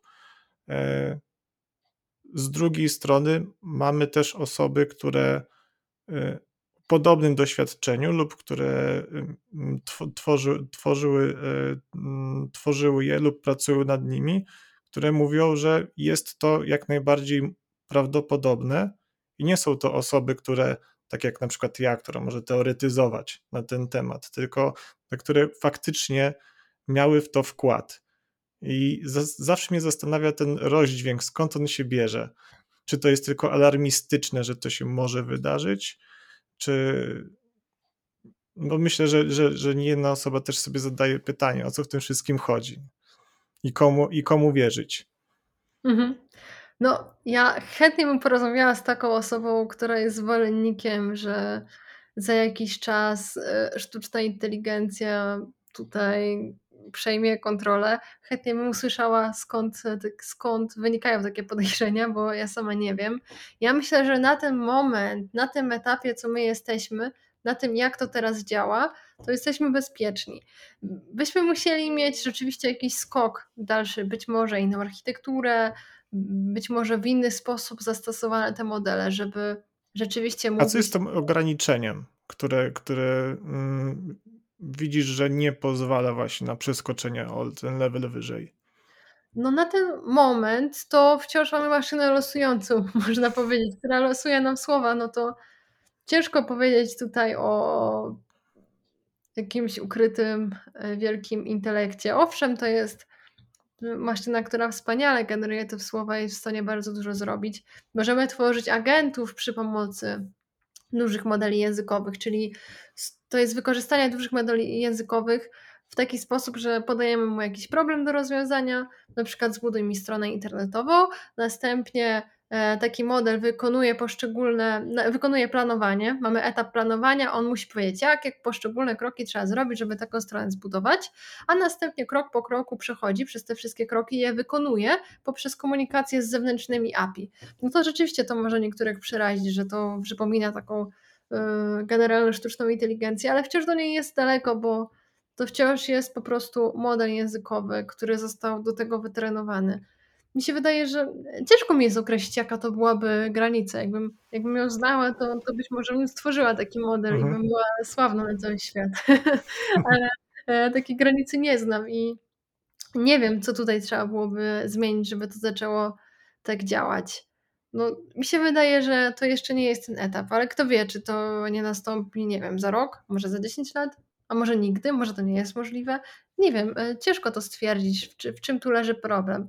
Na razie to, co widzimy, to że mnóstwo rozwiązań, które zostały zrobione, stworzone lata temu, teraz zaczynają działać dzięki temu, że mamy możliwości sprzętowe i większej ilości danych. I to jest bardzo ciekawe, że Mamy taką architekturę typu transformer, którą wcześniej wykorzystywaliśmy na przykład do klasyfika klasyfikacji sentymentu, czy sentyment wiadomości był pozytywny, negatywny, czy ktoś tam smutny był, czy wesoły, a teraz i tylko wyłącznie do tego i to tam działało na 90% załóżmy, więc niby wysoko, ale w sumie nie aż tak bardzo. A teraz ten sam model, tylko 1000 razy większy, 10 ra 10 tysięcy razy większy z ogromnymi ilościami danych działa jak ChatGPT. No bo to jest ta sama architektura, tylko Mhm. przeskalowana w górę. I to jest bardzo ciekawe, nie? Co się stanie, jak będziemy to dalej skalować. Ale też druga kwestia, że nam się powoli kończą dane.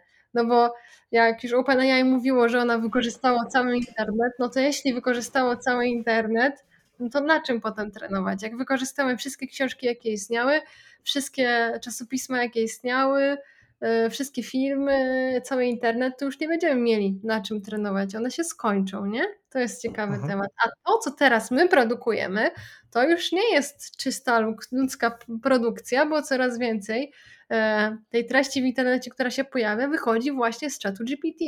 Właśnie. Tak, tak. To, e, to też mi się gdzieś, gdzieś rzuciło w oczy, że e, istnieje takie ryzyko, że to, co będzie, y, mm, co będzie rezultatem tego, co, co daje nam ChatGPT, będzie coraz gorszej jakości, ponieważ on będzie ciągle przetwarzać te informacje, które, które, on, zaciąg, y, które on sam wygenerował, a z Tak. racji, że jest to model, który podaje rezultat w przybliżeniu, no to wiadomo, z czasem to, to coraz bardziej, e, coraz bardziej się roz, rozmywa i, i że po prostu dojdziemy do, do, takiego, do takiego momentu, że będzie on za, zaciągać właśnie te wszystkie SEO-owe artykuły, po prostu ten cały śmietnik, który powstaje, że, e, że, że przestanie być, że, że te odpowiedzi przestaną być konkretne i zadowalające, że spodziewamy się, że on z czasem będzie dawał nam coraz, coraz lepszy rezultat, a może być wręcz przeciwnie. Tak, no to jest rzeczywiście, no istnieje taka możliwość. Właśnie Piotr Pańsik z Voice Labu często mówi, że to jest teraz wąż zjadający swój ogon, bo ko kończą nam się po prostu dane, nie? Kończą nam się dane i te nowe dane są generowane już nie tylko przez ludzi, ale przez modele. No i tak jak wcześniej tworzyliśmy model, który no, podobieństwo ludzi, nie? Ma rozmawiać tak jak ludzie, czyli mieliśmy nieidealnego człowieka, powiedzmy. A teraz będziemy trenować model na podobieństwo jego, czyli on będzie nieidealnym sobą. I tak z każdą wersją będzie Mhm. nie, nieidealnym sobą i nieidealnym sobą z poprzedniej wersji, więc rzeczywiście taka degradacja może nastąpić. I mi się wydaje, że taki kierunek, jaki ja widzę teraz w nauce, który może nastąpić, jest w jaki sposób efektywniej wykorzystywać te dane. No bo jeżeli w końcu dojdziemy do tego kapa, dojdziemy do tego limitu, że wykorzystamy wszystkie dane, no to prędzej czy później będziemy musieli znaleźć lepszy sposób na wykorzystanie tych danych, które mamy. Być może znajdziemy jakiś sposób, no, który po prostu lepiej je wykorzysta, bardziej efektownie. Nie, nie tak jak teraz, że po prostu wrzucamy, robimy predykcję kolejnego słowa, tylko być może w jakiś inny sposób to zrobimy. Mhm. Hmm.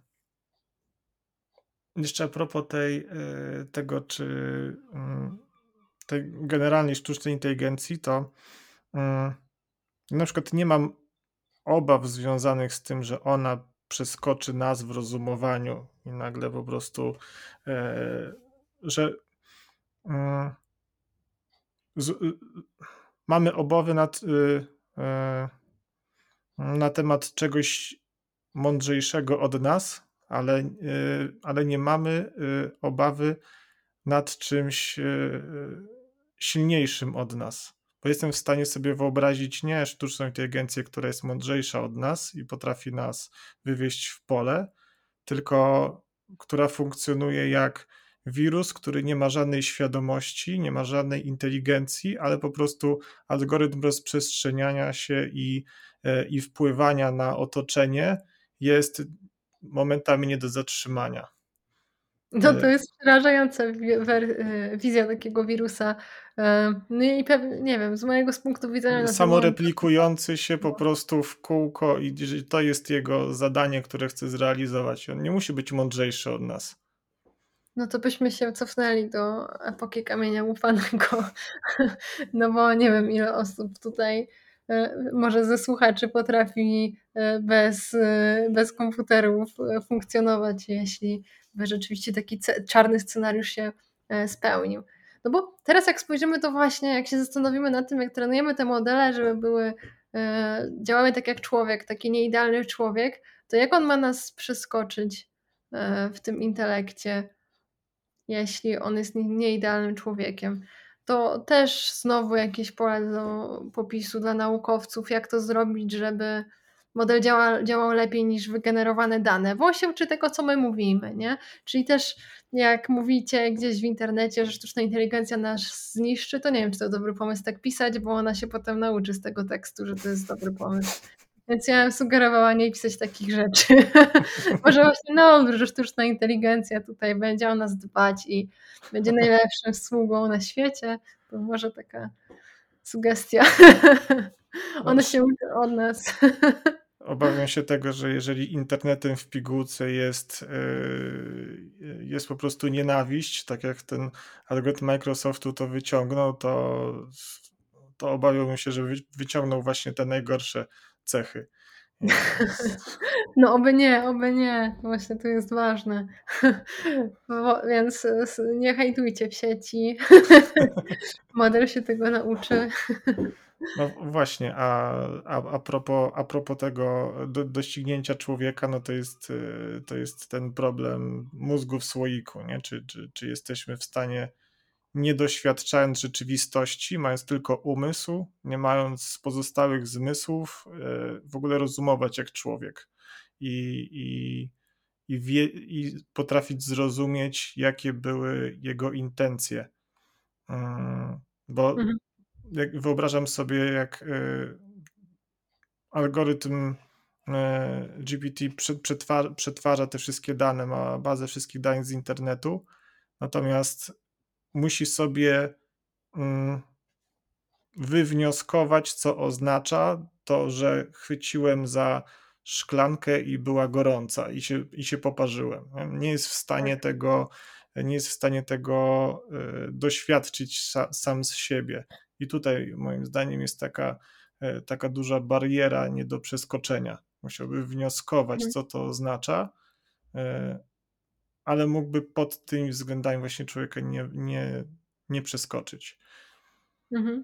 Ja myślę, że nawet może nie tyle same zmysły, bo jednak mamy ludzi, którzy nie mają wszystkich zmysłów i, i są, są wciąż ludźmi i sobie radzą w tym rozumowaniu, ale ja na to patrzę w ten sposób, że ja widzę taką różnicę między takim algorytmem a sobą, że on bierze pod uwagę tylko to, co miał w tym korpusie treningowym, ale ja zanim jakąś decyzję podejmę, nawet jakąś drobną, to ja myślę krok w przód, co się stanie. I to nie jest takie świadome myślenie, że sięgam w tą stronę po szklankę, to ja nie myślę świadomie o tym, mhm. w którą stronę mam ją sięgnąć, ale ja robię tą projekcję na wprzód, gdzie ta ręka się znajdzie, co ja poczuję. Jeśli widzę, że kubek paruje, no tak jak mówisz, wiem, że jest gorąca, więc łapię sobie za ucho, nawet jak jest przekręcone w drugą stronę. I ja robię tą predykcję w przód wszystkiego, co się stanie. Tak samo jak z ludźmi rozmawiamy, to E, my nie myślimy tylko i wyłącznie, co powiedzieć, żeby zareagować na danego prompta, tylko już myślimy od razu, jak ta osoba zareaguje. Może nie zawsze świadomie i jawnie, ale zastanawiamy się, jak ta osoba zareaguje i odpowiednio dobieramy w ten sposób ton, czyli nie tylko bierzemy pod uwagę to, ale też zastanawiamy się na przykład, czy e, odpowiadając tej osobie, która jest naprzeciwko, czy osoba obok, która to usłyszy, na przykład nie poczułaby się urażona. Więc bierzemy ten cały świat tak naprawdę wokół E, wokół siebie pod uwagę. I to, co ja lubię mówić, to, że jest to, że my robimy predykcję całego świata w przód, tą jedną akcję w przód. I to mhm. my nad tym cały czas myślimy. Mamy ten taki obraz świata w głowie swojej i wszystko, co robimy, to bierzemy pod uwagę ten obraz świata. A ten model nie ma tego obrazu świata w głowie, nie myśli krok w przód, jak to e, wpłynie na świat. Jak na przykład napisze posta na LinkedIna, to ten model nie myśli sobie, że zrobił komuś korektę posta i ta osoba wrzuci tego posta i teraz czy będzie miała więcej czy mniej lajków i co się dalej z tym stanie, czy ktoś to udostępni? Nie, ona tylko wygenerowała to, co ją poprosił. Więc ja myślę, że taka predykcja w przód, że tego brakuje. A czy wiesz, czy ktoś nad tym pracuje? W sumie nawet się nie interesowałam tym. Mhm. Ale jest to ciekawe. No, być Bo może. Bo na przykład, y, były robione testy na, mm, robo był robot, który miał technicznie był stworzony tak, że mógł chodzić tam na 4 kończynach, ale nie miał zupełnie wgranych instrukcji, jak to robić. E, wgrali mu tylko algorytm uczący się i po prostu po metodą prób i błędów, podnosząc kończynę, przewracając się, tak dalej, tak dalej, po po po tam paru godzinach, e, nauczył się chodzić sam sam z Mhm. siebie. Więc To są właśnie te metody z reinforcement learning, gdzie mamy metodę, tworzymy jakąś funkcję nagrody. Tutaj pewnie nagrodą było nieprzewrócenie się i on musi wykonywać takie akcje, żeby tą funkcję nagrody spełniać. Ale to wciąż jest ograniczenie tylko do funkcji nagrody. A my, jak przewidujemy jakąś akcję w przód, czyli nawet te modele właśnie w reinforcement learning, one też przewidują akcję w przód, ale one nie biorą całego świata i wszystkich w sumie możliwości pod uwagę, tylko jakąś jedną konkretną, do której zostały wytrenowane. Brakuje tej multimodalności i też takiego ogólnego spojrzenia. No bo my się nie ograniczamy tylko i wyłącznie do jednej akcji, jak o czymś myślimy. I nawet no, o tym wszystkim podświadomie myślimy i myślimy w, po prostu o tym, jak, to, jak wpłynie nasza akcja na ten światek. Co się stanie, jak rozlejemy wodę i, i tym podobne. No, brzmi jak bardzo sk skomplikowany układ, żeby to żeby to odtworzyć. No mi też tak brzmi to. Może ktoś mądry to zrobi. A czy, y, bo teraz, y, mm, te modele stają się coraz bardziej zoptymalizowane, żeby potrzebowały jak najmniej, e, mm, zasobów, nie? Żeby były mniej zasobożerne i i ta infrastruktura po prostu była potrzebna teraz mniejsza. Czy wyobrażasz sobie, że, za niedługi czas będziemy mogli mieć każdy z nas, y, mógł mieć taki model na przykład na telefonie albo w komputerze, swój własny? Czy to Mhm. jest zbyt odległa przyszłość? O, ciężko mi powiedzieć, bo jeśli chodzi o takie kwestie związane z infrastrukturą, to to to nie mam pojęcia, bo jedna rzecz to jest produkowanie tutaj, nie wiem, lepszych GPU, y, czy innych komponentów, a druga rzecz to kwantyzacja i zmniejszanie modeli. I to, co ja wiem, to jesteśmy w stanie rzeczywiście kwantyzować modele w tym sensie, że zmniejszamy je wielkościowo, że działają Mhm. szybciej, są mniejsze, trochę kosztem też jakości działania, ale jesteśmy w stanie to robić i rzeczywiście są już takie podejścia, że są otwarte modele, które można na lokalnie na swoim komputerze uruchomić i to działa, y, więc pewnie na telefonie też, akurat tym się nie interesowałam, ale zgaduję, że też to jest możliwe. Mm, pytanie pytanie tylko, jak dobrze to działa, nie? To to jest, e, ważna kwestia. Na pewno będzie to szło do przodu, bo jest, e, duży nacisk na to, jest potrzeba. Jeśli się pojawia potrzeba, to ludzie nad tym też pracują od razu. Mhm. Myślę, że powoli będziemy się zbliżać do końca, więc, y, chciałbym cię na koniec jeszcze zapytać o, e o to, jak, y, jak daleko to zaszło, bo, mm na przykład nie jesteśmy w stanie sobie wyobrazić życia bez internetu. Raczej właśnie tak, życia bez internetu, e, jesteśmy sobie w stanie wyobrazić. Byłoby w tej chwili, gdybyśmy go odłączyli, byłoby okrutne i, e, działyby się złe rzeczy, ale ale jesteśmy w stanie to sobie wyobrazić, ponieważ był taki czas w naszej historii, gdy gdy go nie było. E, natomiast to, czego na przykład jesteśmy co trudno jest nam sobie wyobrazić, to na przykład świat bez, e, bez pieniędzy. Że po prostu mamy inny model, e, inny model funkcjonowania, nie oparty o o rynek, o pieniądz, o o te o tę wymianę. To jest już coś coś prawie jak tlen, prawda? Jeżeli jeżeli ktoś powie, że trzeba, mm, zlikwidować, nie wiem, kapitalizm na przykład, nie jesteśmy w stanie wyobrazić sobie alternatywy w tym momencie, nie? I Mhm. zastanawiam się, czy z AI jest w którym momencie jesteśmy? Czy jesteśmy w momencie internetu? Czy jest czy zbliżamy się już do tego, e, do tego, e, modelu ekonomii, że nie będziemy w stanie wyo wyobrazić sobie innego świata, e, niż ten bez, e, bez sztucznej inteligencji? Mm, ja bym powiedziała, że raczej na tym etapie internetu jesteśmy, bo to wciąż jest coś, co nam zwiększa wygodę, a nie jest niezbędne do funkcjonowania. Tak jak gorszy i lepszy materac, na którym możemy spać. No, ciężko sobie wyobrazić, że możemy spać na przykład na podłodze. To myślę, że podobnie jest z tą sztuczną inteligencją. Ktoś, kto spróbował, to naprawdę byłoby bardzo niewygodne, jakby nagle mu zabronili z tego korzystać, ale, ale wciąż nie jest to niezbędne. Jesteśmy sobie w stanie z tym poradzić. No a co będzie za 10 lat? E, ciężko, ciężko tak naprawdę stwierdzić.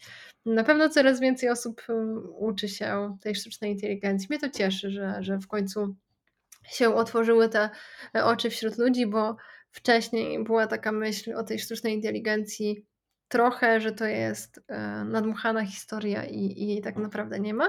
Nie wiem, czy, czy też takie miałeś wrażenie, że wcześniej tak było. Mm, że że to bardziej taki buzzword niż e, rzeczywiście coś działa. Na początku e, nie, na, na, ciężko, ciężko mi było zdefiniować, bo y, co oznacza sztuczna inteligencja, bo, bo to, to, to, to, to słowo jest tak, tak rozległe, że, e, że to, to, to, co było prezentowane na początku, to były takie powijaki trochę, nie? więc mhm. Y, mm, natomiast no, jest inteligencja zwierzęcia, jest inteligencja człowieka, nie? więc tak, to była sztuczna inteligencja w moim rozumieniu, tylko że na, mhm. na, mm, na poziomie może nie E, nie naszym, tylko nie wiem, trzylatka albo, w, albo po prostu psa. Nie? Więc, e, więc była nadal inteligencją, na, natomiast sztuczną, natomiast e, nieporównywalną do naszej. Mhm. Mnie właśnie to cieszy, że teraz ludzie na to zwrócili uwagę, że rzeczywiście to może pomóc w pracy, rzeczywiście można z tego korzystać, nie? Więc mi się wydaje, że na poziomie internetu na tym, na tym etapie jesteśmy. Może nawet chwilę przed. A jeszcze, jeszcze to, to, pytanie, które sobie zapisałem, bo, jest, bo to też e, czasami się zastanawiam nad tym, mm, właśnie, czy, czy to nie jest tak, czy nie powtarza się sytuacja e, e, właśnie jak z, z odkryciem, ze stworzeniem broni atomowej, w której dzielimy się też między krajami, między, e, między konkretnymi rejonami świata, czyli my jako Europa e, próbujemy coś robić w temacie AI, nie mamy swoich modeli, swojej infrastruktury, wszystko jest w Ameryce, wiemy, że w Chinach jest, e, Chińczycy opracowują swoje, swoje algorytmy i często zastanawiam się, czy tu nie będzie bardzo dużej rywalizacji, nie? że to będzie taki kolejny e, wyścig zbrojeń, nie? tylko że już cyf cyfrowych bardziej niż, e, niż takich fizycznych. Chyba nawet trochę już jest taki wyścig zbrojeń, bo i, i w Europie też tak mówią, że musimy założyć własne konsorcjum i w Polsce też tak mówią. I no, no jednak nie oszukujmy się, ta, jeśli oddamy całą tą potęgę w ręce jednego kraju czy jednej firmy, no to ona ma bardzo dużo władzy, kontroluje to, jak mogą być wykorzystywane te modele, no chociażby tak jak ChatGPT, no właściciele firmy kontrolują, jak mogą być te modele wykorzystywane.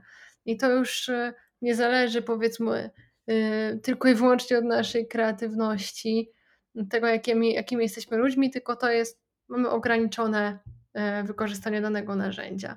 No i tutaj jest podobnie. I no teraz kwestia jest to, jak każdy będzie chciał te narzędzia wykorzystać. Mi się wydaje, że powinniśmy mieć swój własny model językowy, nie tylko po to, żeby konkurować z innymi krajami, czy żeby konkurować z OpenAI, ale po to, ale też dlatego, że tak jak wspominałam, tamte modele, one są głównie trenowane pod język angielski, czy też inne języki i mi się wydaje, że my w Polsce potrzebujemy modelu wytrenowanego w, głównie pod język polski. Nie mówię, że tylko, ale głównie, żeby ten model znał dobrze język polski, nie tylko taki ogólny, codzienny, ale też w jakichś poszczególnych wąskich dyscyplinach. No bo teraz ChatGPT sobie dobrze radzi z, ogólnie z polskim, ale spróbujmy w jakąś wąską dyscypliną z nim porozmawiać po polsku, to już ten język zaczyna się łamać, a to dlatego, że on po prostu nie zbudował sobie podczas treningu ty, tych zależności, prawdopodobieństw między słowami, on nie kojarzy, jak w takiej wąskiej dyscyplinie te słowa wyglądają. I myślę, że warto mieć taki model po prostu do korzystania, żeby też napędzać polską gospodarkę, e, żeby na przykład polskie firmy mogły korzystać z tych modeli, żeby mm, mogły też je mm, outsourcować do jakichś innych, większych firm, które prowadzą biznesy w Polsce no, żeby po prostu ta gospodarka szła do przodu. Więc mi się wydaje, że, że to jest e, nam też potrzebne. Że A dzieje, dzieje się teraz coś, coś w tym temacie w naszym kraju? Czy... Mm, No ja słyszałam, e, na pewno mamy ten Spichlerz, nie wiem czy e, słyszałeś o projekcie, gdzie zbieramy polskie dane. E, Speaklerz jest to pisane. Mhm. O, to jest inicjatywa, w której chcą zebrać 1 terabajt polskich danych do treningu i tam są rzeczywiście zbierane polskie dane. Teraz słyszałam, że jest sporo rozmów, żeby stworzyć takie polskie konsorcjum e, w celu budowania polskich LLM-ów. Wiem, że Politechnika Wrocławska idzie w tym kierunku.